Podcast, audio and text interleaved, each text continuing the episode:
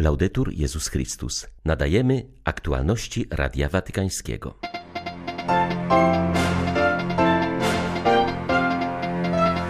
Przewodniczący Episkopatu Nikaragui podziękował papieżowi za to, że ujął się za prześladowanym w tym kraju kościołem. Ta pamięć jest dla nas bardzo ważna, podkreślił kardynał Brenes.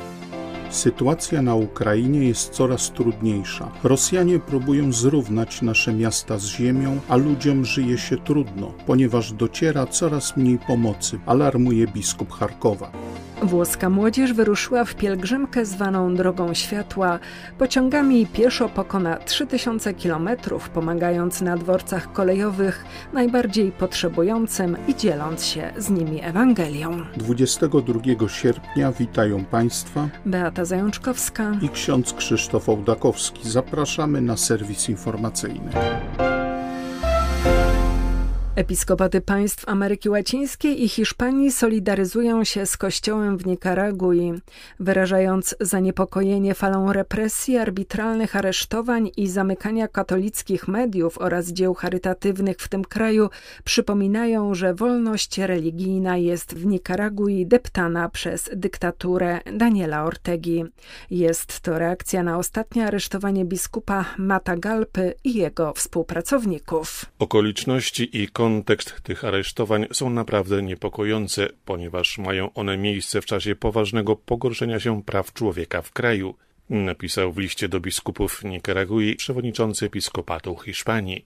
Apeluje o natychmiastowe uwolnienie biskupa Rolanda Alvareza, a także o uszanowanie jego osoby i misji. Swoją solidarność z aresztowanymi wyraził także arcybiskup Sewilli, który poprosił wiernych o modlitwę w intencji sprawiedliwości, wolności, wspólnego dobra oraz społecznego pokoju w tym bratnim narodzie.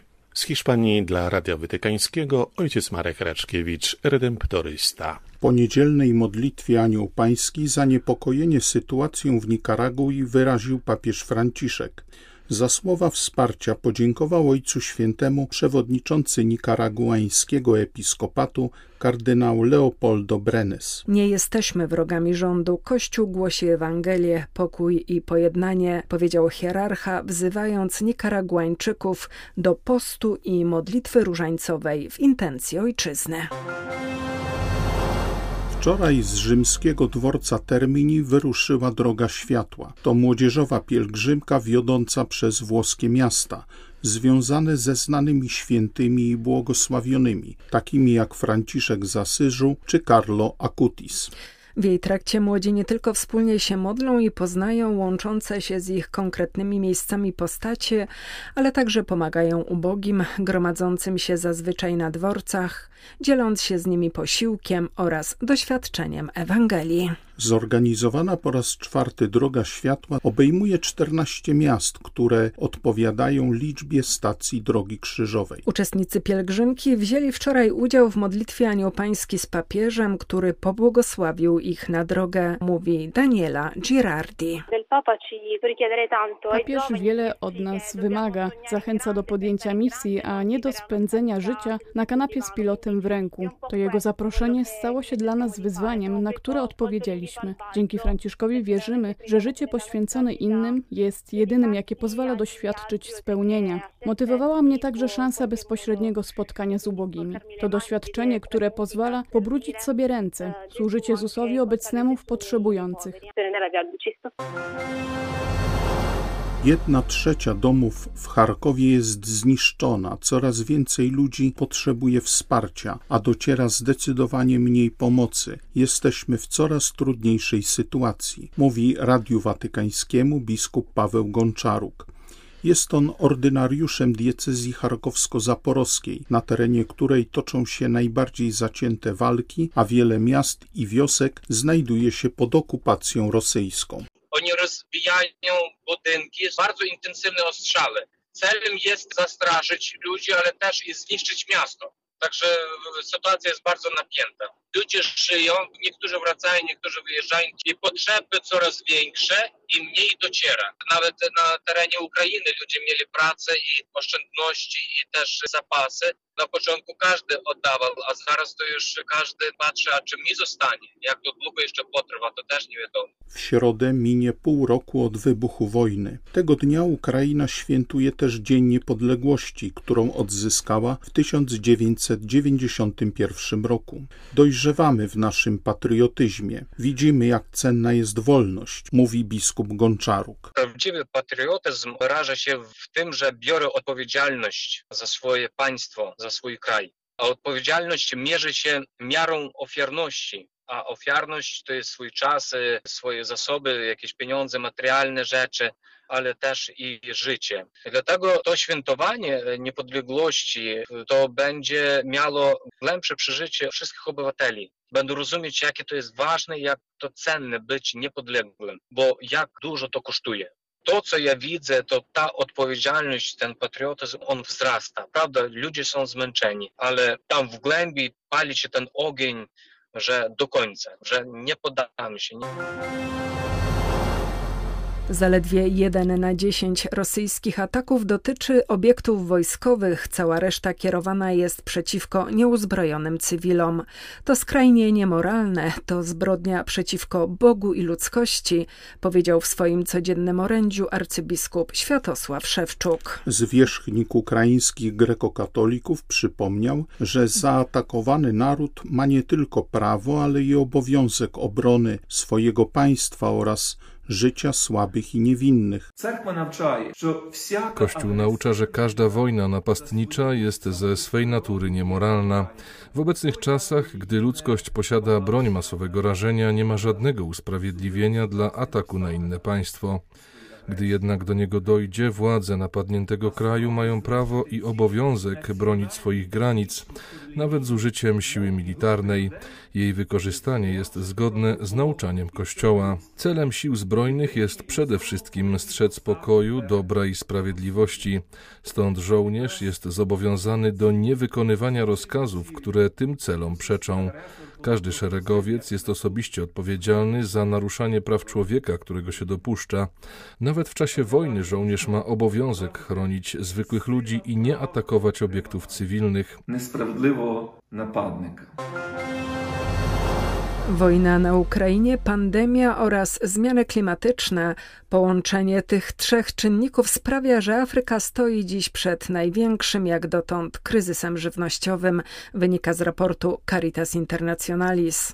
Kierownictwo tej Światowej Konfederacji Katolickich Agencji Pomocowych apeluje do społeczności międzynarodowej o zwrócenie uwagi na tragiczne pogorszenie się sytuacji humanitarnej w wielu regionach Czarnego Lądu. Najtrudniejsze jest położenie mieszkańców rogu Afryki i Sahelu. Bez podjęcia działań na poziomie globalnym klęska będzie coraz bardziej dotkliwa.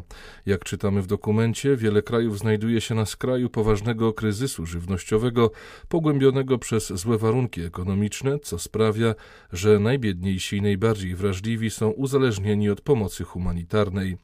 Susze, lokalne konflikty i przemoc oraz zaburzenie dostaw zboża z Ukrainy i Rosji sprawiają, że w poszukiwaniu lepszych warunków życia migrują miliony Afrykanów. Dzisiaj nasz świat stoi w obliczu tragedii, w której ludzie tracą prawo do życia jako godne istoty ludzkie, powiedział sekretarz generalny Caritas Internationalis Aloysius John. Organizacja wyraża nadzieję na zwiększenie działań, by zapewnić im podstawowe prawa człowieka. Caritas Internationalis wzywa decydentów do wsłuchania się w głosy najuboższych i umieszczenia ich aspiracji do godnego życia w centrum wszystkich decyzji politycznych, jak i działań na rzecz pokoju i pojednania. Łaciński patriarcha Jerozolimy był gościem mitingu przyjaźni między narodami, który odbywa się w Rimini. Pytano go o przyczyny eskalacji przemocy, która ogarnęła w tym miesiącu Ziemię Świętą. Ostrzał strefy gazy, atak w centrum Jerozolimy to akty agresji, która wybucha i będzie wybuchać tutaj regularnie, ponieważ brakuje pojednania, nie tylko tego politycznego, podkreślił arcybiskup Pier Battista Pizzabala. Jego wystąpienie w Rimini nosiło tytuł Rzemieślnicy pokoju, pasja pojednania. Zauważył w nim, że problemu Palestyny nie da się rozwiązać militarnie ani poprzez wznoszenie murów. Można zbudować ich jeszcze więcej i dużo wyższych, ale te 4 miliony ludzi pozostaną i nie zrezygnują z posiadania domu na własnej ziemi, podkreślił łaciński patriarcha Jerozolimy. Być rzemieślnikiem pokoju w Ziemi Świętej oznacza dziś wierzyć z cierpliwością i wytrwałością, że jego cele i pragnienia staną się rzeczywistością. To, co możemy zrobić, to pracować z ludźmi i budować relacje, które dają jakąś pokojową perspektywę na przyszłość. W tym kontekście myślę o naszej katolickiej wspólnocie w Gazie. Na terenie patriarchatu katolików jest niewielu, trudno utrzymać wspólnoty złożone z małych grup wiernych. Zmniejsza się też liczba zakonników i przez to coraz trudniej prowadzić dzieła kościoła, szpitale, szkoły czy instytucje charytatywne. Ludzie mają prawo czuć się stłamszeni i narzekać na wszystko, ponieważ obecna sytuacja jest bardzo skomplikowana ale podczas moich licznych wizyt w strefie gazy nigdy nie słyszałem z ich ust słowa urazy czy gniewu, wręcz przeciwnie, starają się pomagać innym, nie pozwalają się dopaść nienawiści. Ten chrześcijański styl życia, prawdziwe świadectwo przebaczenia daje nadzieję na przyszłość. Prześladowania nie wiążą się jedynie z radykalnym islamem. Kościół łatwo uczynić winnym, gdy to władza sobie nie radzi. Nienawiść jest wtedy kierowana przeciwko wierzącym, a żaden reżim łatwo nie odda władzy. Obecnie mamy tego przykład w Ameryce Łacińskiej. Mówi ksiądz Waldemar Cisło z Papieskiego Stowarzyszenia Pomoc Kościołowi w Potrzebie w Międzynarodowym Dniu Pamięci o ofiarach aktów przemocy ze względu na religię. Ponad 300 milionów naszych braci i sióstr chrześcijan żyjących w różnych krajach, gdzie są głównie mniejszością, ma problemy z uznawaniem swojej wiary. Raport sprzed kilku lat całego przedstawiciela Ojca Świętego przy ONZ mówił o 150 tysiącach chrześcijan mordowanych za wiarę każdego roku. Dzisiaj mamy Amerykę Południową, gdzie wycierają do nas bardzo dramatyczne informacje od księży, od biskupów tamtejszych, którzy są aresztowani, którzy są wyrzucani ze świątyń. Jest zakaz praktykowania publicznego nabożeń religijnych, bo często niestety tutaj widzimy to, co się dzieje, że ta nienawiść jest skierowana przeciwko Kościołowi. Zresztą my też mieliśmy to doświadczenie, proszę zauważyć, tak zwanych czarnych marszach. Nieciany niewinny Kościół został przyszknięty powodem tego, co się działo przy zaostrzeniu prawa aborcyjnego. W kraju katolickim dochodziło przecież do ataków fizycznych na księży, przypomnijmy profanowane świątynie, które mówić powoli o chrystianofobii, która w Europie powstaje katedrze w Rydze odbyło się ustanowienie w posłudze nowych lektorów i akolitów. Nie byłoby w tym nic niezwykłego, gdyby nie fakt, że do tej pory na Łotwie świeckich akolitów, czyli nadzwyczajnych szafarzy Eucharystii, było niewielu, a lektorów w ogóle nie ustanawiano, poza wyjątkiem posług przewidzianych w formacji do kapłaństwa. Nowych lektorów jest czworo, a akolitów ośmioro. Co ciekawe, większość z nich to kobiety od lat zaangażowane w duszpasterstwo. W przypadku akolitów jest to o tyle istotne, że pięć z nich, w tym dwie siostry zakonne, pełni funkcję kapelanów w szpitalach. W łotewskim systemie prawnym bowiem państwowa funkcja kapelana, zarówno w szpitalu, wojsku czy więzieniu, nie jest koniecznie związana z przynależnością do stanu duchownego i dotyczy to także kapelanów katolickich. Biorąc pod uwagę powtarzające się ostatnio epidemiologiczne lockdowny w ośrodkach zdrowia, Akolitat daje takim kapelanom zatrudnionym w szpitalach większe możliwości posługi chorym. Pozostali akolici oraz lektorzy będą pomagać w duszpasterstwie parafialnym. Jest to ważne w momencie znaczącego spadku liczby powołań kapłańskich. W tym sezonie nie przyjęto żadnego nowego kandydata do Ryskiego Wyższego Seminarium Duchownego, które kształci księży dla całej Łotwy. Z Rygi dla Radia Watykańskiego ksiądz Tadeusz Cieślak, jezuita. Były to Aktualności Radia Watykańskiego. Laudetur Jezus Chrystus.